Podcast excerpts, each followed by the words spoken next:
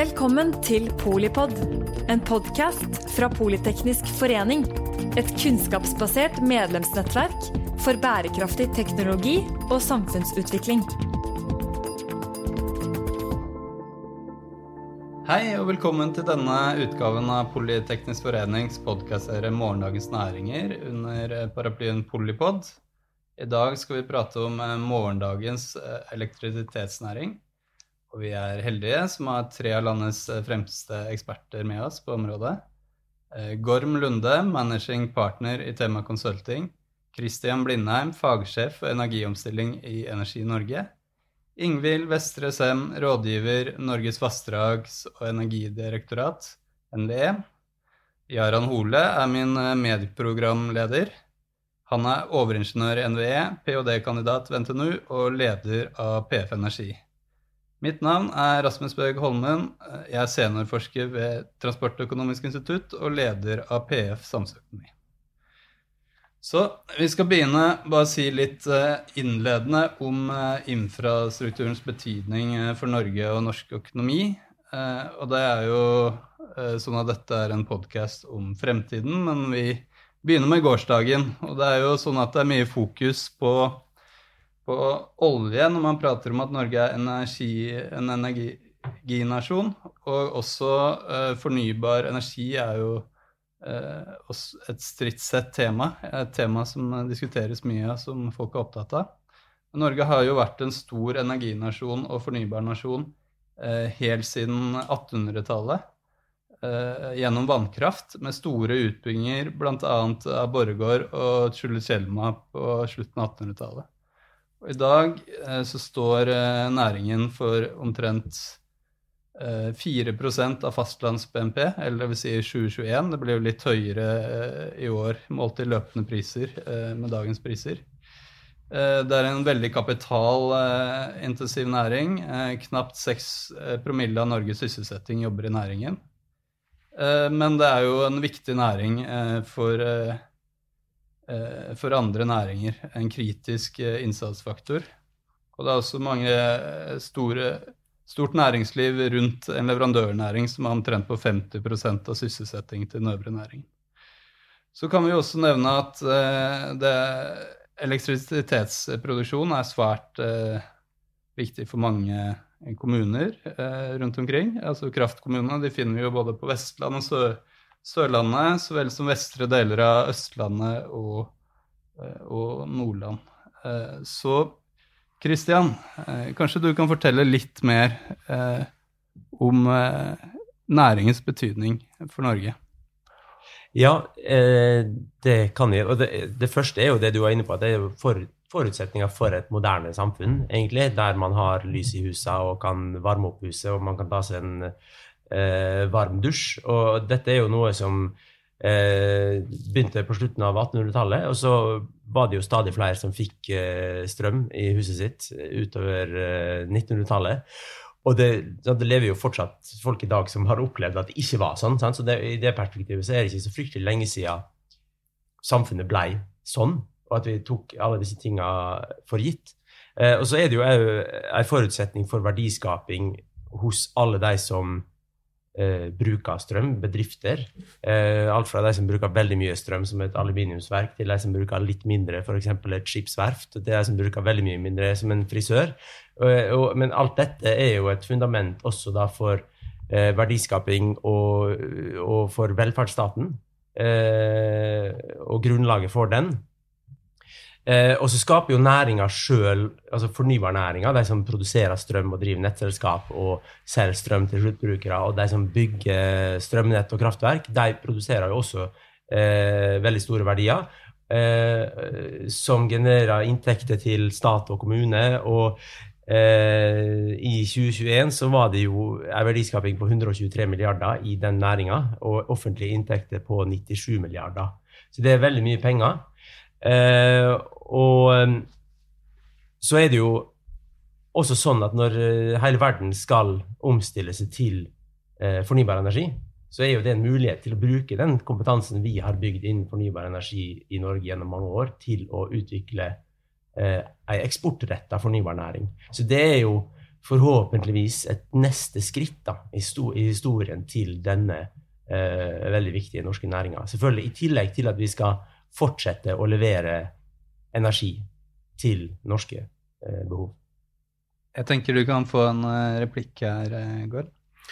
Ja, eh, hvis vi fortsetter på det Kristian sier, da, altså, eh, bakgrunnen er jo at veldig mange av de store bedriftene i Norge, som, man, som Norsk Hydro, som Elkem, som smelteverksindustrien, de navnene de, de, er jo oppbygd, eller de selskapene er jo oppbygd eh, basert på den eh, kraften vi har hatt i Norge. God tilgang på kraft eh, til en konkurransedyktig pris. Eh, så det har vært ekstremt viktig. Eh, og Kristian prater jo også om dette er det vi også skal bygge videre på. Uh, og her er det gjort mange forskjellige rapporter på dette. Uh, og hva skal Norge utvikle seg på? Og man snakker om offshore vind, som er innenfor dette segmentet. Man snakker om hydrogenproduksjon, som er viktig for å omstille både transport, men også uh, industri som trenger å redusere utslippene sine. batterifabrikker. Det er mange av disse segmentene som man nå satser stort på. Som da er avhengig av den grønne kraften og, og forsyningen av kraft til disse nye arbeidsplassene. Mm. Og derfor må vi bygge mer. Mye mer. Ja, og så snakker vi om eh, betydningen eh, av eh, elektrisitetsnæringen for, for, Norge. Og eh, det er jo ikke noe tvil om at både historisk og fremtidig eh, er en sånn helt sentral brikke i, i puslespillet Norge. Men eh, vi har jo den siste tiden eh, kanskje fått øynene enda mer opp for en til dimensjon eh, her, og det er jo dette med sikkerhet og robusthet i den forsyningen. Eh, Ingvild, du jobber litt med beredskap og sånn i NVE. Det, hvordan ser uh, dere på det som jobber aktivt med det? Nei, altså det er jo eh, Hovedbudskapet vårt er jo at det er lite sannsynlig for rasjonering. Det er mange som spør om det. Det er mange som er urolige. Men det er på en måte hovedbudskapet, og så jobber vi jo tett med situasjonen. Eh, å, og det er jo rett og slett for å sikre at vi er forberedt hvis det skulle skje. Men det er jo det som er med beredskapsarbeid. Du gjør det jo egentlig for å, i håp om å ikke få bruk for det du har jobba med. Mm. så, så ja, igjen med så jobber vi jo tett med kraftsituasjonen. Vi jobber tett med å følge opp eh, hvordan utsiktene ser ut fremover. Eh, og så jobber vi jo med å sørge for at vi er forberedt hvis det skulle skje, da. Det er jo litt den derre eh, akutte, eller den mer sånn kortsiktige energiknapphetsdimensjonen ja. som du tar opp der, da. Men eh, Gorm, eh, hvis alt skal over på strøm, eh, er det nødvendigvis eh, veldig sikkert? Nei, det, det, er jo sånn Man har alltid vanskelig for å si liksom eh, det, er liten sannsynlighet for at noe skjer, men det er en veldig stor konsekvens. Og hvis, hvis alt er over på strøm, eh, og det er transportsektoren, det er oppvarmingen, det er bedriftene våre, det er kommunikasjonsnettet vi har i Norge. Eh, og man kan jo tenke seg da, at vi blir mer sårbare jo mer strøm vi bruker, og mindre andre energiformer. Eh, og så kommer man inn på har det noe å si? Trenger vi noe alternativer som lagring? Trenger vi hydrogen så vi kan lagre og så bruke inn eh, hvis noe skulle skje? Eh, trenger vi å tenke at eh, varmesektoren kanskje burde bruke den mer for å sørge for at eh, man er bedre dekket med flere energibærere. Større beredskapslager på komponenter. Det er, mange ting her. Jeg vet ikke liksom hva svaret her er, men vi går inn i en sårbar situasjon. Og så er vi også i en sårbar tid med det som skjer i Europa. Og man kan jo begynne å tenke på at man, man må ta en, eh, gå tilbake i tenkeboksen og si om er det noe her man må gjøre. Kristian? Ja, og dette er jo spørsmål som man helt klart må eh, tenke grundig gjennom, og, og må bygge et robust system. system. Eh, og, og, så tenker jeg det er også viktig å huske på at vi går jo fra et system som vi nå ser har vært veldig sårbart. Altså vi har den eh, fossile energiutvinning. Eh, det er jo klart at Norge er jo en spesiell situasjon der liksom, vi kunne sikkert greid oss med den energien vi kunne skaffa, hvis vi det, visste hva det vi ville. Men hvis vi ser på Europa, eh, og, og, for så vidt også verden i stort, så er jo veldig mye av den, de olje- og gassressursene som finnes i verden, eh, er det jo autoritære regimer som sitter på. Så det er jo på en måte jeg tenker alle, eller Begge de to løsningene har sine utfordringer som vi må på en måte forholde oss til. Og, og vi ser jo nå at det systemet vi har hatt, eller i hvert fall Europa har hatt, har vært veldig sårbart. Men, men det er jo helt klart at vi skal gå i Norge også fra å bruke egentlig, altså Alle nordmenn forholder seg i dag egentlig til to energisystemer, i hvert fall de aller fleste. Sånn, det ene går fra oljeplattform til bensinpumpe, og det andre går fra kraftverk til stikkontakt. Eh, og nå skal vi, som Gorm sier, bruke det ene veldig mye mer. Og da er det selvfølgelig enda viktigere at det funker. Og så er det viktig å huske på i den sammenhengen at vi har eh, i mye større grad enn de fleste andre land et desentralisert system, i den forstand at det er mange kraftverk rundt omkring. Så hvis noen komponenter, noen kraftverk, skulle ryke, da, for å si det litt enkelt, så har vi mange andre å spille på. Men, det, men jeg er absolutt enig i at det, det, det, blir enda viktigere at dette systemet funker. Mm. Ja, vi må, vi må, litt videre i podkasten. Eh, eh, vi har tenkt å bare eh, Du snakker noe om at det blir mer robust hvis man spiller på litt ulike kilder. sånn at det, er jo en, egentlig en god overgang til liksom neste punkt. Da. Hvis vi starter med å liksom ta liksom en gjennomgang, hva er de ulike sektorene, og hva er de ulike ja, underbransjene i denne næringen, så er det jo um, kanskje naturlig å starte da med vannkraften, som, eh, som også Rasmus begynte den liksom historiske fortellingen om. Eh, hva er liksom eh, status, og hva er liksom det fremtidige aktørbildet, og, og kanskje også fremtidig konkurransekraft til vannkraftnæringen? Kristian kan jo forbinde. Ja, altså Vannkraften kan man jo grovt sett dele inn i to uh, kategorier. Det ene er jo uh, elvekraftverk som produserer jevnt og trutt. Uh, og de har vi hatt mange, har vi mange på Østlandet særlig. Og så har vi magasinkraftverk som er fleksible ressurser, som, som da man har mer av i mer fjellprega deler av landet, da, for å si det sånn. Og historisk så har jo disse to eh, forskjellige typene liksom spilt eh, veldig godt sammen. da. At man har hatt elvekraftverk som har gått jevnt og trutt, og så har man da, eh, når det har vært eh, behov for mer energi eller mindre, mindre, vann i de elvene, så har man kunnet spille på magasinkraftverk. Eh, og det er jo et eh, Særlig magasinkraftverka er jo et, et særpreg Norge og ganske få andre land i verden har som selvfølgelig gir oss helt, et helt annet utgangspunkt ved at vi har i all hovedsak fornybar kraft i dag, men også et helt annet utgangspunkt ved at vi når alle, altså I motsetning til alle andre, andre land som skal fase inn vindkraft og solkraft og må måtte finne noe nytt eh, utslippsfritt og balansere det med i form av batterier, batterier og mer nett og kanskje hydrogenkraftverk osv., så, videre, så har vi allerede den ressursen. Gorm, den... Ja, eh, og, og, det der er litt Det, det er viktig liksom Magasinkraftverkene er virkelig gullet i, i vannkraften. Eh, og så har vi fått inn eh, vindkraft. Eh, så andelen magasin i forhold til totalproduksjonen har gått noe ned. Men vi er, vi er veldig godt stilt eh, enda. Men jo mer ny produksjon som kommer inn, eh, jo viktigere blir disse magasinene. Og da, da blir, går man jo inn på å øke effekten i de magasinene man har, eh, og investere og oppgradere dem. Eh, det tror jeg er en sånn superviktig ting fremover. Og så er det litt støy pga. noen skatteting som akkurat pågår, og så får man se om det slår negativt ut eller ikke, da. Men magasinenes rolle og få opp effekten, for vi kommer til å slite med effekt fremover på de kaldeste dagene. Og det største forbruket, det, det er superviktig.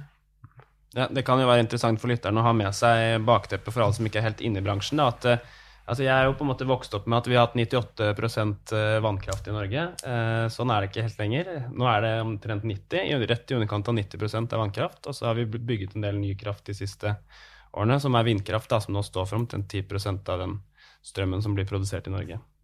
Så det er jo eh, kanskje neste sektor vi burde snakke litt om, da. Absolutt. Eh, så en, en utfordring på vannkraft det er jo også at vannkraft fungerer jo som en batteri, da. Eh, som jo er en viktig funksjon, ikke bare for Norge, men også for det nordeuropeiske kraftsystemet. Så fremtidig utvikling av batteriteknologier er jo en, en interessant et tema der som dere gjerne kan eh, ha i mente og kommentere litt på når dere får ordet, hvis dere har noen kommentarer på det. Men når det gjelder vind, så er det jo da fokus vært på land, da. Eh, og nå er det eh, mye fokus til havs. Altså man har jo mye langs kysten, da, Åfjord, Vefsn, og så en del inni høy, høylandet. så vet ikke, Ingvild, om si litt om eh, vindkraft? Ja, altså det er jo eh, Som du sier, har, per nå så har vi jo mye vindkraft i Midt-Norge, altså det prisområdet som vi kaller NO3. Eh, og så har vi også en del i Sørvest-Norge, NO2. og det er jo, som jeg var inne på også, står for en forholdsvis liten del av totalproduksjonen i Norge. Ligger på 12% i september, som gikk. men det er klart at når du ser Norden som helhet, så er det jo mye vind. Det er mye vind i, i, Sverige, det er mye vind i Danmark, og vi er jo også tett kobla til Tyskland, hvor det er veldig mye vind. Sånn at den eh, samkjøringen med på en måte at vi får eh, importert vindkraft fra de områdene i de timene hvor, eh, hvor det blåser mye, eh, og så har vi vannkraften i Norge til å dekke opp som ja, kall det Nordens batteri, da, eh, i de timene hvor det blåser lite, det er jo på en måte en, et samspill der da, som, som, er, eh, som fungerer godt, da. Mm. Mm.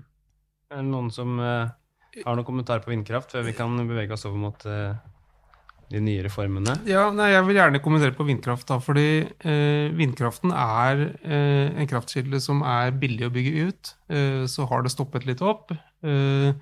jeg tror jo at både vindkraft på, på, land, at det kommer noe mer på det, og det er et viktig bidrag inn. jeg tror det kommer mye på offshore. Der er det veldig stor interesse. Det er sikkert 15, 15 kanskje 20 sånne konsortiumer som jobber med å se om å få bygd ut eh, offshore, offshore vind. Eh, da er det litt lenger fram i tid, eh, men mot 2030. Og der har vi kompetanse fra oljesektoren, fra maritim sektor, som man kan bygge på. Og det, det blir en viktig næring fremover, tror jeg. Og en viktig bidrag. Eh, ja, jeg kan også legge til det her. Altså et viktig poeng med vindkraften er at det er den rimeligste, altså den produksjonsteknologien vi har med lavest marginalkostnad. Mm. Så den bidrar jo i stor grad til å, til å, dempe prisnivået i de timene hvor det blåser. Men den er, har jo også en forsterkende effekt. ikke sant? Jo mer vindkraft du bygger ut, jo lavere blir prisen i de timene hvor det blåser. Så at jo mer vindkraft du bygger ut, jo lavere blir egentlig fortjenesten til de vindkraftverkene som allerede mm. står der. Så fordelen med det da er jo at du har vind i flere områder. Altså at du har noe i Tyskland, noe i England, og gjerne også noe på, som havvind, da, som du sier. Mm. Så at man har um, ulike tidspunkt hvor det blåser på ulike steder. Uh, og på den måten at de utfyller hverandre, da, og at du får et mer mm. stabilt system. Og så snakker du, Gorm, litt om tidsperspektivet, da. Spesielt havvind er jo liksom den eh, ja, la meg si den nye, nye, undernæringen som veldig mange snakker om, og det er mange grunner til det. Men eh, hvis vi ser på liksom kort sikt, så er i hvert fall eh, oppfatningen eh, vår, og, og, vi merker veldig godt at det er veldig mange som har begynt å tenke på solkraft også. Eh, solkraft er jo en eh, ny, litt sånn uh, ukjent teknologi for oss. Vi er vant til at vi produserer strøm med noe som skal snurre rundt, og så er det litt sånn Folk er litt usikre på om det funker i Norge og sånn, men jeg vet ikke om dere i Energi Norge også har um, merket noe mer momentum på solkraftverk, da? Ja, absolutt. Det er jo, det er jo Og våre medlemmer sier jo det at det er jo stadig flere som har lyst til å bygge solkraftverk. Og det, det har vel blitt en ekstra boost på det nå når strømprisene har vært uh, såpass høye. Så jeg tror absolutt at solkraft kommer til å spille en større rolle i det norske kraftsystemet i framtida. Uh, så, men hvis vi bare kan ta et lite hopp tilbake til vindkraft, så er et viktig poeng som vi må huske på der, er at det tar også mye kortere tid å bygge enn en disse store offshore vindparkene og eventuelt store eh, vannkraftverk. Så, så, så, så hvis vi skal øke volumet i produksjonen i Norge i dette tiåret betydelig, så er det på en måte vindkraften på land som er det aller viktigste. Men solkraft, ja, øh, absolutt. Men hvis, jeg tror ikke vi snakker om liksom, tilsvarende volum som vi kan få til på vindkraft. I hvert fall ikke i sånn nær fremtid.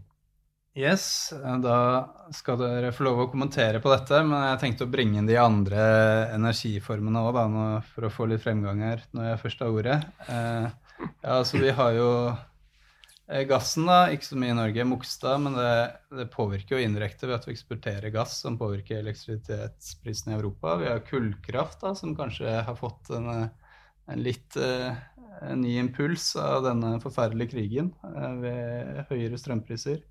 Kjernekraft, eh, konvensjonell, er jo noe som man har bygd ned, som nå er på vei tilbake i Frankrike og mindre skeptisk. og så er det noe eksperimentelle fremtidsdrømmer eh, om thorium og bølgekraft. Og når man prater om fornybar, så prater man ofte om bio, eh, trevirke i Norge, da. Eh, slam i Finland, andre ting. Men det er jo mye i forhold til biobrensel. Andre ting som vi ikke har nevnt her, er jo dette med mikrovarme. da. Mikroproduksjon på hus osv. Geovarme, varmegjenvinning og sol, solpaneler osv. videre. så nå da er det ordet litt mer fritt i forhold til å kommentere hva man vektlegger her. Så Ingvild? Nei, eh, jeg tenkte litt på det når vi snakka om solkraft i stad, at det er jo mye potensial i det. Men det er jo et viktig poeng der er jo at det sammenfaller ikke nødvendigvis med forbrukstoppene. Det er jo sol midt på dagen. Forbrukstoppene i løpet av et døgn er på morgenen og ettermiddagen. Det er sol på sommeren forbrukstoppene i løpet av et år er på vinteren. Sånn her er det jo viktig Det er jo som jeg sier, det er et stort potensial, og det vil kunne bidra til at man f.eks. kan spare mer vannkraft om sommeren eh, til vinteren i de magasinene som er store nok til det, vel å merke. Eh, men det er klart at det må kombineres med andre produksjonsteknologier. Eh, enten det er vindkraft, det er en god kombinasjon med vindkraft, eh, eller om det er mer bedre, altså produksjonsteknologier med mer regulerbarhet, da, som kjernekraft og vannkraft og eh, termisk. Korb? Ja, sol. Jeg tror det kommer mer av det. Vi, vi i Tema i hvert fall, vi får flere aktører som vi ser er, som kommer til oss som er interessert i sol. Uh, og jeg tror det kommer også det du kaller industrielle solparker. Uh, der får nok NVE litt mer å gjøre fremover på konsesjonssiden. Uh, fossile kilder i Norge er det ikke så mye av, og det kommer ikke til å bli. I så fall så er det gass som man har CCS på og bruker og produserer grønn hydrogen. Eh, som vi har mye gass av, mye energimengder, så det, det, er interessant. Men det er ikke inn til ren elproduksjon, tror jeg. Atomkraft kommer vi har, vi har, ikke kompetansen i Norge. Vi, vi, det kommer jeg heller ikke inn på. Uh, påvirker indirekte da, via våre Ja, og du ser jo i Sverige så er de jo, begynner de å snu og si at det kanskje de skal ha mer kjernekraft, og det skal vare lenger. Ja, det er jo viktig å si at det, I Sverige er det jo veldig mye kjernekraft. Det er jo like ja. mye kjernekraft i Sverige som, i, som, vindkraft, altså produksjonsmessig. da. Så det, det, er jo en viktig produksjonsteknologi i Sverige. Eh, det er viktig også i Finland. Det har kommet et stort nytt kjernekraftverk i Finland. Eh, når du ser på det norske systemet opp mot kjernekraft, så er det jo først og fremst situasjonen i Sverige som påvirker oss mest, da.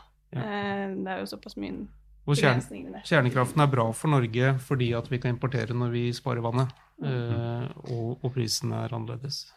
Og så, så, det kommer nok en sånn større kjernekraftdiskusjon i Norge også. Eh, og, og, kanskje ikke som eh, liksom, svar på denne umiddelbare situasjonen vi står oppi nå, men eh, det er veldig mange som er opptatt av det. Det, men det jeg lurer på om vi ikke vi tar den videre her i denne podkasten her. For nå har vi liksom gått gjennom eh, ulike kilder og ulike måter å produsere strøm på. Eh, og det er jo et stort bilde av den elektrisitetsnæringen, men næringen innebærer også andre eh, aktører, type aktører. Eh, nett har vi jo ikke snakket noe om. Nett og infrastruktur.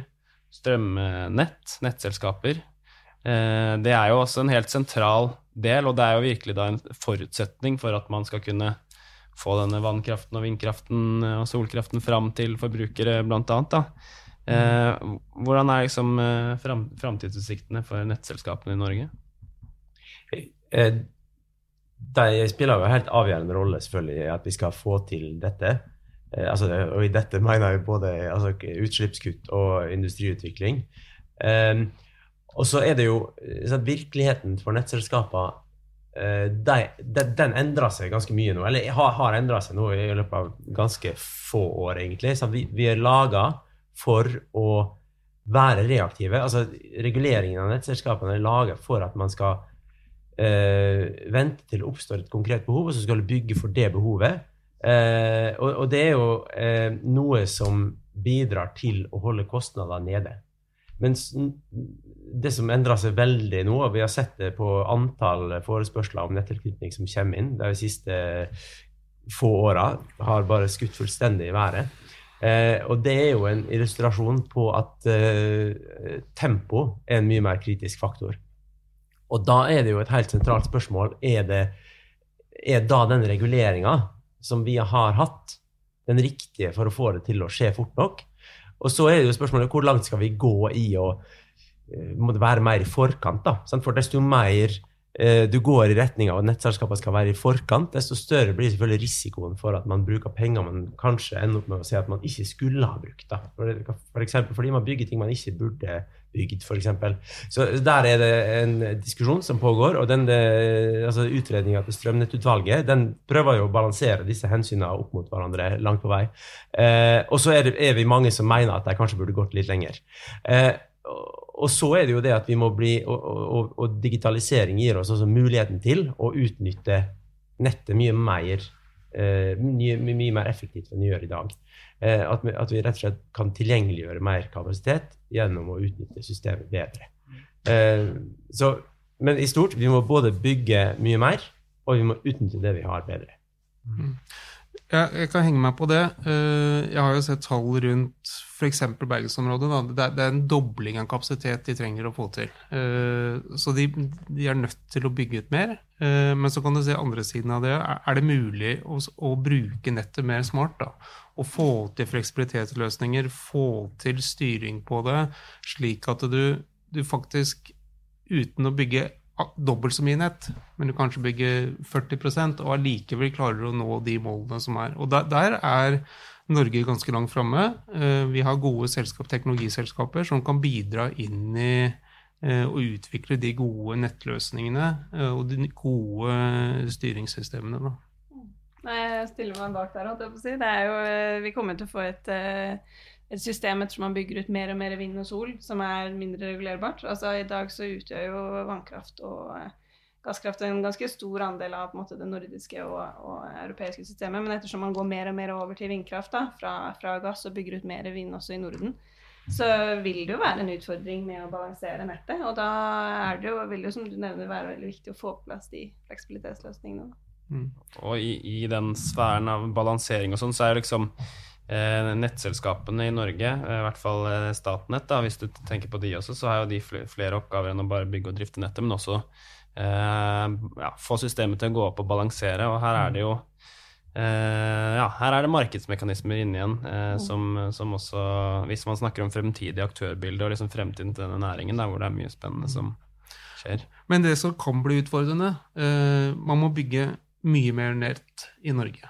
Det samme skjer det i Europa. De, skal, de, skal, de, legger jo ned kull, de legger ned atomkraft i Tyskland. Eh, de får inn fornybar. De må forsterke nettene sine masse. Så er spørsmålet er det, er det leverandørkapasitet og komponenter nok, eller kommer det til å bli et problem? Eh, det er jo også et spørsmål Jeg har ikke svaret på det, eh, men det blir et trangt marked hvor så mye skal bygges ut. Vi skal komme tilbake til det om litt, men bare runde av dette med aktørbildet først. Da, for vi har jo noen vi ikke har, uh, har, nevnt der. Det er jo strømleverandører, og så har vi noen finansielle konsulenttjenester rundt. Uh, utbygging, virksomhet, industri. Og så kan vi jo nevne at det er jo en del industri som er tilknyttet disse energiformene, som, som ikke produserer elektrisitet, f.eks. innenfor sol. Ja, og over, når vi prater om nett, så er jo dette med mindre friksjon i overføringen er jo også et element. Da. Eh, så jeg vet ikke om det er deg, Kristian, som vil si noe om de, disse andre aktørene. Dere ja, For å ta strømleverandørene først, da, så er det jo eh, sånn at den oppgaven de har eh, i kraftsystemet, i tillegg til å selge strøm til oss eh, vanlige folk, er jo å få systemet til å gå opp på et vis. Sant? De har det som kalles et balanseansvar. Så hvis, eh, en de, hvis deres kunder bruker mer eller mindre eh, strøm enn det de har, enn, enn det de har eh, ja, bydd inn på børsen, da, så må de på en måte, da har de ansvar for å sørge for at det blir kjøpt eller solgt det som da på en måte er mer eller mindre. Så Det er jo en oppgave som er veldig viktig for å få systemet til å henge sammen. Og den, det behovet kommer jo til å være der eh, også i framtida. Eh, og så er det disse altså, tjenester, som du sier. Eh, dette er jo eh, Altså, den, den kompetansen som vi sitter på i Norge i å drifte et markedsbasert og moderne og stadig mer digitalt eh, kraftsystem, eh, den kompetansen er salgbar. Og det er på en måte og den kompetansen finnes i, i konsulentfirma, det finnes i leverandørselskap som uh, leverer IT-tjenester, det finnes i uh, kraftselskap som Statkraft og Hafslund Eko f.eks. Og dette tror jeg, og for så vidt vi i Energi Norge, at er en veldig stor mulighet, et utgangspunkt for å skape en ny eksportrettet næring i Norge. Eh, for vi vet jo at stadig flere land, igjen fordi vi skal eh, ha mer eh, fornybar energi overalt, vi skal ha mer elektrifisering overalt, så blir det å operere et kraftsystem eh, ei oppgave som blir veldig annerledes enn før. Eh, og mulighetene for å drive effektivt, og behovet for å drive effektivt, for å, for å spare penger, selvfølgelig, eh, er jo veldig stort. Så tjeneste, IT-løsninger til kraftsystemet, det kommer til å bli veldig viktig. Selvfølgelig sammen med det å bygge kraftverk eh, og drive kraftverk. Eh, og så var det en siste ting du var inne på. Eh, altså De som bygger systemet, altså de, de som bygger strømnettet, f.eks.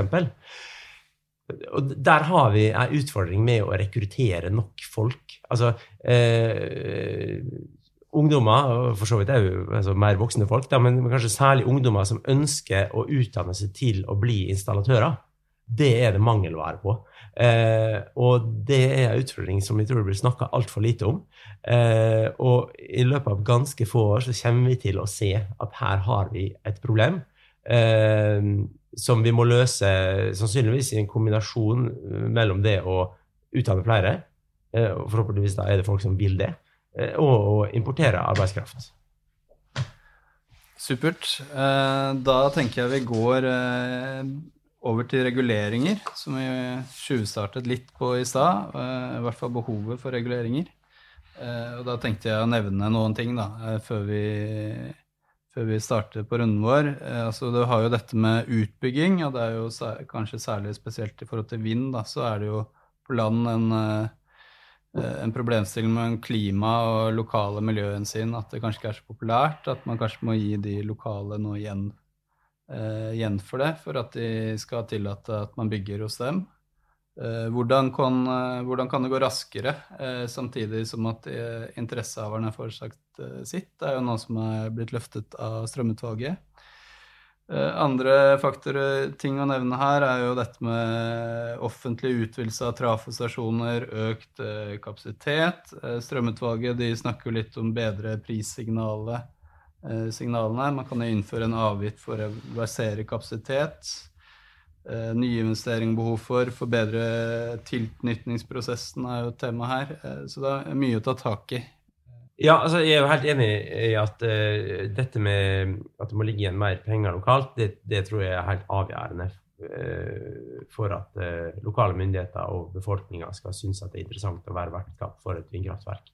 Um, og, og, så må man selvfølgelig ha gode prosesser. Det, og det, det, har vi for så vidt det, det er ikke noe nytt, måte, men vi har jo kanskje lært litt av noen av de vindkraftprosessene som har vært. at det går an å bli enda bedre på det. At lokalbefolkning, eh, og særlig de som bor nærmest og blir mest påvirka, har et klart bilde av hva dette blir, eh, og får en mulighet til å, å få gode muligheter til å mene noe om det. Og så er det selvfølgelig altså er det jo langt på vei opp til da, kommunen som sitter med mer penger, og eventuelt bruker de pengene på en måte som gjør at disse innbyggerne syns det er verdt det. Og det bør man jo, det bør jo lokale myndigheter ha et mål om, tenker jeg da og så er, altså For å si litt mer om dette med eh, regulering og nett, da, eh, som vi var litt inne på i sted, så er det jo eh, noe av det man og vi mener man kan gjøre, er jo å gi nettselskaper flere muligheter til å gjøre ting eh, uten å måtte søke, eller at man kan ha enklere prosesser. da. Eh, eh for eksempel det å altså Hvis man skal putte inn f.eks. en ny trafocelle i en eksisterende trafo, eh, innafor gjerdet. Det vil være måte, ingen, eh, ingen, eksterne konsekvenser av det. eh, så må man likevel søke om det. Det er et av eh, mange eksempler på, at det, går an å gi nettselskaper mulighet til å gjøre mer. Supert. Ja, Eh, Da Eh, Kan jeg bare si en ting til? Og så går det an også å gi nettselskapene mulighet til å ligge litt i forkant av behovet, og heller investere litt tidligere. For vi vet at det kommer veldig mye økt forbruk, eh, og de er ganske sikre på den utviklingen som ligger der. Og det har de ikke insentiver til i dag. Riktig. Det er sånn at i disse podkastene så pleier vi å, å invitere en eh, sur eh, samfunnsøkonom som kan eh, være litt sånn gretten. Og nå er, har vi jo heldig å ha Ingvild med oss her, men hun jobber i NVE og har hendene litt basset og bundet. Det er ingen sure folk hjemme. med Så, så da tenkte jeg å være den sure, da. For det er jo sånn at det har vært mye strøm, strømdebatter det siste året. og vi, som samfunnsøkonom, eller mange samfunnsøkonomer, vil jeg påstå, eh, opplever jo da at, eh, at denne debatten ikke alltid fanger opp eh, våre faglige perspektiver. Og heller ikke kommentatorene i, i nyhetsbildet, som ellers er veldig dyktige folk. Så hvis vi begynner på det ene grunnrentebeskatning er jo noe som samfunnsøkonomer har, har eh, tatt til orde for eh, med næringer som kaster mye av seg i lang tid. Eh, Som da er sånn påslag på selskapsskatten. Så har man høys, eh, høyprisbidrag, eh, som kanskje er litt mer debattert. Eh, Og så er det jo, hvis det ikke er noe ressursrent i bunnen her, at eh, man får ekstra høy avkastning pga. at ressursene er veldig lønnsomme, så kan det jo eh, selvfølgelig forvitre kapitalinvesteringer. da. Eh, Så det er ett tema her. Og så et annet hjertesukk eh, som eh, sikkert mange er uenig i, det er jo dette med, med strømstøtten. da. Nå har vi jo et næringsfokus i denne podkasten, men dette påvirker jo absolutt næringen, selv om det er en, en forbruksstøtte på sett og vis. Så det er jo den, næring, den støtten avhenger jo da av historisk forbruk. Det er jo Alternativ kunne jo f.eks. være å gi mer direkte eh, overføringer, men det er jo noe positivt fra sånn samfunnsøkonomisk ståsted med en sånn avgift. Altså Det fungerer som en forsikring mot høye strømpriser, og hvis det er midlertidig høye strømpriser, så unngår man konkurser, det er politisk gjenn, gjennomførbart, og er, folk er fornøyde når de får støtte eh, direkte. Eh, Men eh, i den forstand at eh, det er effektivt, at det underbygger sanseøkonomisk lønnsomt, kan man vel ikke akkurat si. Altså det støtter jo ikke opp under prismekanismen og sikrer at de som har høyest betalingsvillighet, får strømmen. Man får dårlige insentiver til å drive enøk, er en kritikk. Det er urettferdig for de som faktisk har drevet med enøk, og som akkurat har startet opp. Er det fordelingsmessig gunstig? Nei, antagelig ikke hvis man ser det fra hvor mye penger folk har å rutte med. Det er jo de rike som bruker mest, mest strøm. Og hvis man har en relativt inelastisk tilbud, som man har i dette tilfellet, eh, så vil jo produsentene ta mye av gevinsten, selv om det kommer igjen eh, i skatteseddelen. Eh, og så er det jo oss legger jo også press på renta, statlige finanser, og eh, kan, bidrar kanskje ikke så mye til strømforsyning i Europa eh, heller, da. Så har du jo forlengelsen av det, har du jo billigere strøm til industrien, og det er jo litt det samme, da. At man eh, Samfunnsøkonomer ønsker jo gjerne at, eh, at eh, ressursene skal brukes der de kaster mest av seg, og at hvis eksport er mest lønnsomt, skal de kanskje gjøre det. Men man kan jo argumentere for at dette forebygger eh, konkurser ved midlertidig høye, eh, midlertidig høye priser, eller eh, at man kan bygge opp lønnsom industri som ellers hadde, man ellers ikke hadde klart å etablere, eller holde distrikter i live. Så nå var det veldig mye, og mye sånne hjertesukk fra samfunnsøkonomen, og så må dere skyte meg ned. Og da begynner vi der, Chris. Hvis vi kan begynne med grunnrenteskatt, da. Så grunnrenteskatt eh, er jo en fin ting. Det skal vi ha. Eh, på vannkraft har vi hatt det lenge. Eh, og mange, og annet vi, har, har meint at det, er betimelig at det på et eller annet tidspunkt også kommer på vindkraft. Eh, og så har jo grunnrenteskatten på vannkraft vært veldig høy. Og vi tenker at nå tar man kanskje litt vel hardt i, for det skal jo være attraktivt også å eie disse selskapene. Eh, men et større problem er jo dette høyprisbidraget. Eh, og det går på måten det er innretta på. Fordi at det er jo som, eh, som Gorm var inne på tidligere, vi, vi, har behov for at det blir investert mer i effekt i Norge. Og, det betyr altså hvor mye strøm kan produseres på én gang. Og vi har mange eh, vannkraftverk, til dels gamle vannkraftverk, der man har vært vant, vant til å produsere ganske jevnt og trutt. Og nå i framtida, når vi får mer vindkraft og, og, og solkraft, så har vi behov for flere kraftverk som kan produsere mer på en gang. Altså man pøser ut vann, eh, eller gjennom, altså gjennom turbinen, eh, sånn at man, man, kan produsere mye strøm på en gang.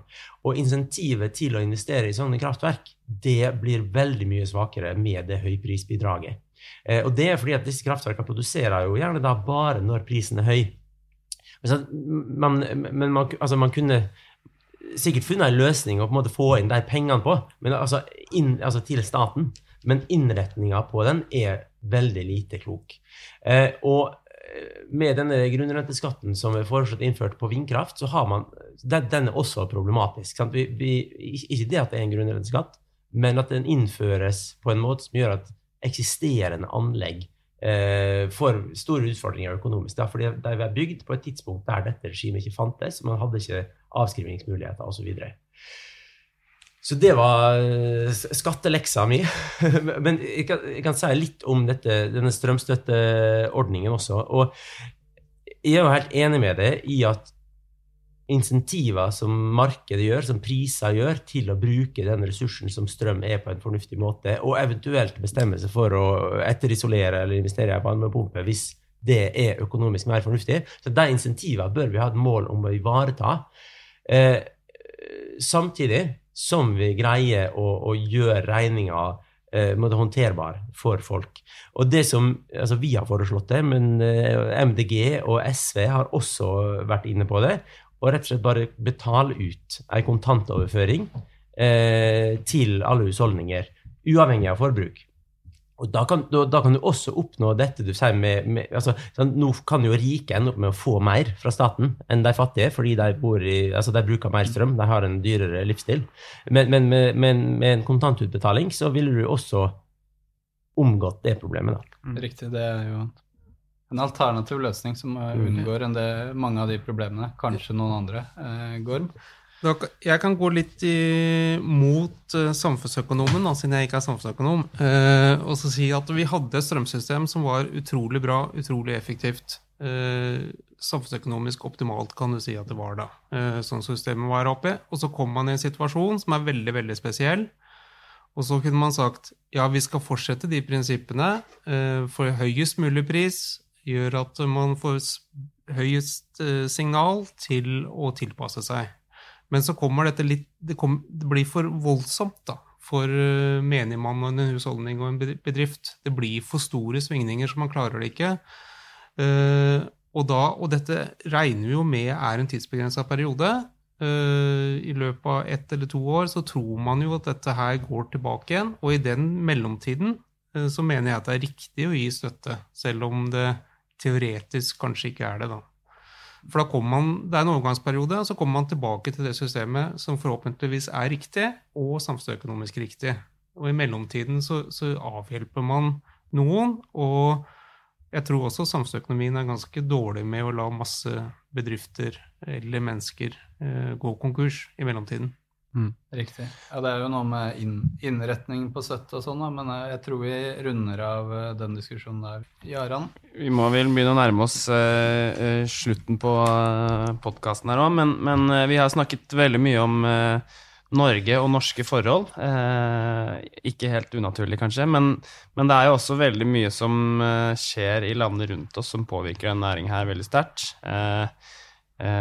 og de koker jo sammen ting i et uh, vanvittig tempo i EU.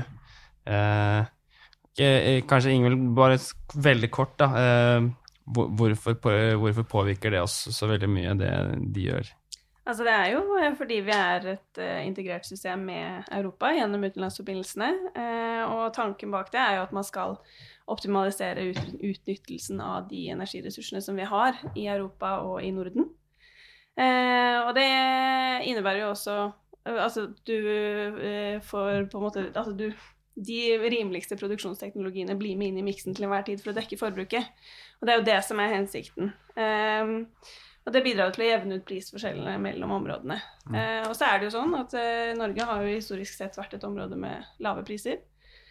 Uh, og i Europa hvor du har teknologier med høyere marginalkostnad, blir det jo naturlig nok også høyere kraftpriser. Og det, når du får den utjevningen da, av priser mellom områder, begrenset av kapasiteten i nettet selvfølgelig, men da bidrar jo det også til å påvirke prisene her. sånn at når det er dyrere på kontinentet, så trekker, bidrar det til å trekke prisene opp også i Norge. Og det har det jo vært en debatt rundt. Men så er det også viktig å påpeke det at det, eh, det at man har et mer integrert system, det er jo eh, også for å på en måte dekke opp for de sårbarhetene ved systemet sånn som det ser ut i hvert enkelt land. Og sårbarheten for oss er jo at vi er veld, i veldig stor grad basert på vannkraft. Og da blir vi sårbare typisk i år hvor det er eh, tørt, hvor det er lite tilsig, eller i år hvor du får en sen snøsmelting, sånn at du har tappa deg lavt i magasinene, tett opp mot våren. Eh, og hvis snøsmeltingen da kommer seint, så, så det, kan det bli kritisk, da. Og det er jo typiske situasjoner hvor vi vil være avhengig av å kunne ha muligheten til å importere fra, mm. fra naboland eller fra land som vi er tilknytta til gjennom utenlandsforbindelsene, da. Så det er jo et sikkerhetsnett. Ja, og, og eh, ja, så, så, så, de høye strømprisene er ikke noe sånn eh, fenomen for Norge. Eh, Gorm, har dere hatt sjanse til å De driver og prøver å finne ut noen metoder hvordan de skal eh, redusere strømprisene i Europa. Har, har man sjanse til å følge med på hva de nei, gjør? i Nei, det går nesten ikke an å følge med på, for det, det skjer så mye der uh, hele tiden. Men de tenker jo på en måte for at de også ønsker å ta inn eh, inntekter fra de som tjener mye på at prisene er høye. Eh, så de tar inn inntekter på nodeproduksjon over 180 euro per megatime. Bruker de pengene til å gi til, som støtte da, til husholdninger og bedrifter for at de skal eh, slite mindre med de høye prisene. Eh, også I tillegg så har de også satt krav til å redusere effektforbruket i topplasttimene eh, til bedrifter eh, og forskjellige land. Og På den måten så håper de at de får ned de, de høye prisene.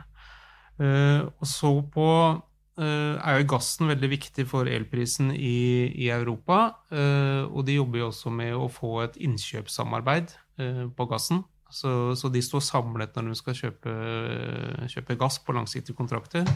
Og da går du egentlig langt tilbake i historien. For da, da kunne du tenke deg at de hadde et samarbeid om å kjøpe, og så norske produsenter samla seg i et sånn salgskonsortium, eh, og så blir det en helt annen prosess enn det det var tidligere. Så det er noe av tingene de jobber med, da. Eh, men de kommer til å jobbe mer med dette her, og de har jo varsla en stor gjennomgang av strømmarkedet eh, neste år i EU kan jo også legge til det der nettopp som du er inne på, at uh, når man kommer med tiltak for å dempe prisnivået i Europa, så vil jo det også potensielt kunne bidra til å dempe prisnivået her. Uh, nettopp fordi vi er et integrert system. Vi får, pris, altså, så, vi får prispåvirkning i Sør-Norge fra, fra, kontinentet. Og hvis man lykkes med å dempe prisnivået der, så vil jo det også bidra til å dempe noe av den prisøkningen som vi får gjennom den forbindelsen. da. Jeg vil også nevne her altså Det er jo ofte dette med dempe høye topper og klima som brukes uh, for at man skal kunne eksportere og importere strøm. Men det er jo grunnen til at man eksporterer strøm, er jo fordi den kaster mer av seg i utlandet enn innlandet. At uh, Norge AS, hvis man klarer å samarbeide, i utgangspunktet får mer verdier igjen for det. Uh, så kan det være noen unntak fra den hovedreglene men nå, nå tenker jeg vi begynner å gå mot uh, slutten. Uh, og det er noen punkter her. Uh, elektrifisering, elektrifisering, enøk har vi vært litt inn på. Klima litt mindre. som kanskje også kunne tas opp i en sånn avsluttende kommentar, da, men dere står for så vidt fritt til hva dere ønsker å formidle sånn på tampen. så vi begynner med deg, Kristian.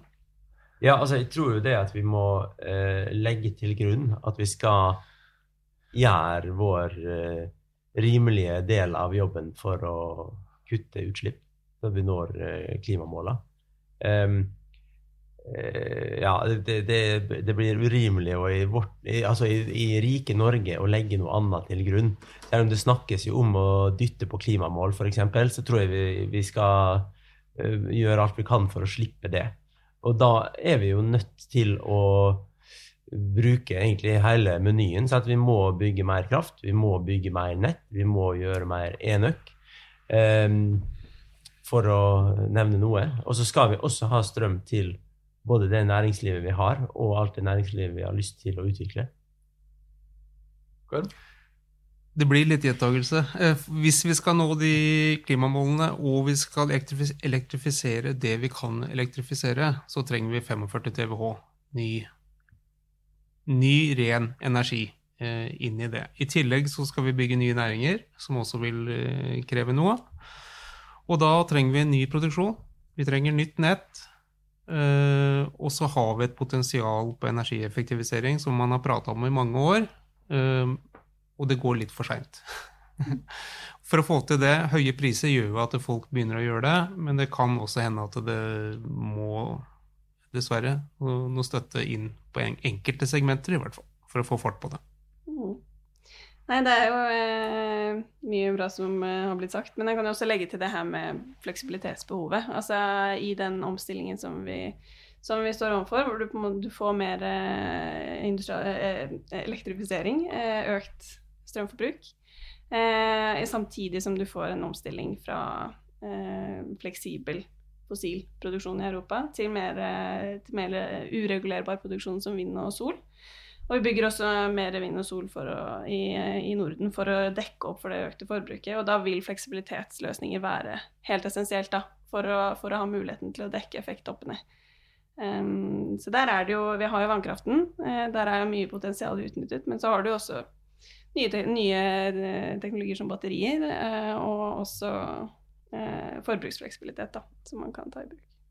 Du vil ha en kort kommentar? Jeg, jeg kan være kjempekort. Um, og det er jo egentlig bare at uh, jeg, som eh, leder da, av uh, Politeknisk forenings energinettverk, så er det jo ganske mange interessante problemstillinger. Og de er jo høyt uh, polytekniske, nesten alle sammen. Så bør, folk som hører på og tenker at dette er interessant, bør klikke seg inn og sjekke hva som kommer på programmet etter hvert her. Supert. Eh, da tenker jeg at vi takker av. Jeg håper alle tilhørere har hatt eh, stabil eh, strømtilførsel og gode batterier gjennom hele podkasten. Takk til deg, Gorm Lunde, tema. Takk til deg, Kristian Blindheim i Energi Norge. Takk til deg, Ingvild Vestre Sem NVE. Takk til min medprogramleder Jaran Hole i NVE og PF Energi. Mitt navn er Rasmus Bøg Holmen. Jeg er eh, fra TØI og PF Samfunnsøkonomi. Og takk til deg som hørte på. Du har hørt på Morgendagens elektrisitetsnæring, en podkast i Politeknisk forenings podkastserie Morgendagens næringer.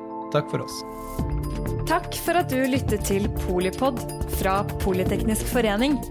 Få med deg flere episoder, eller bli med på nettverksmøtene som du finner på at polyteknisk.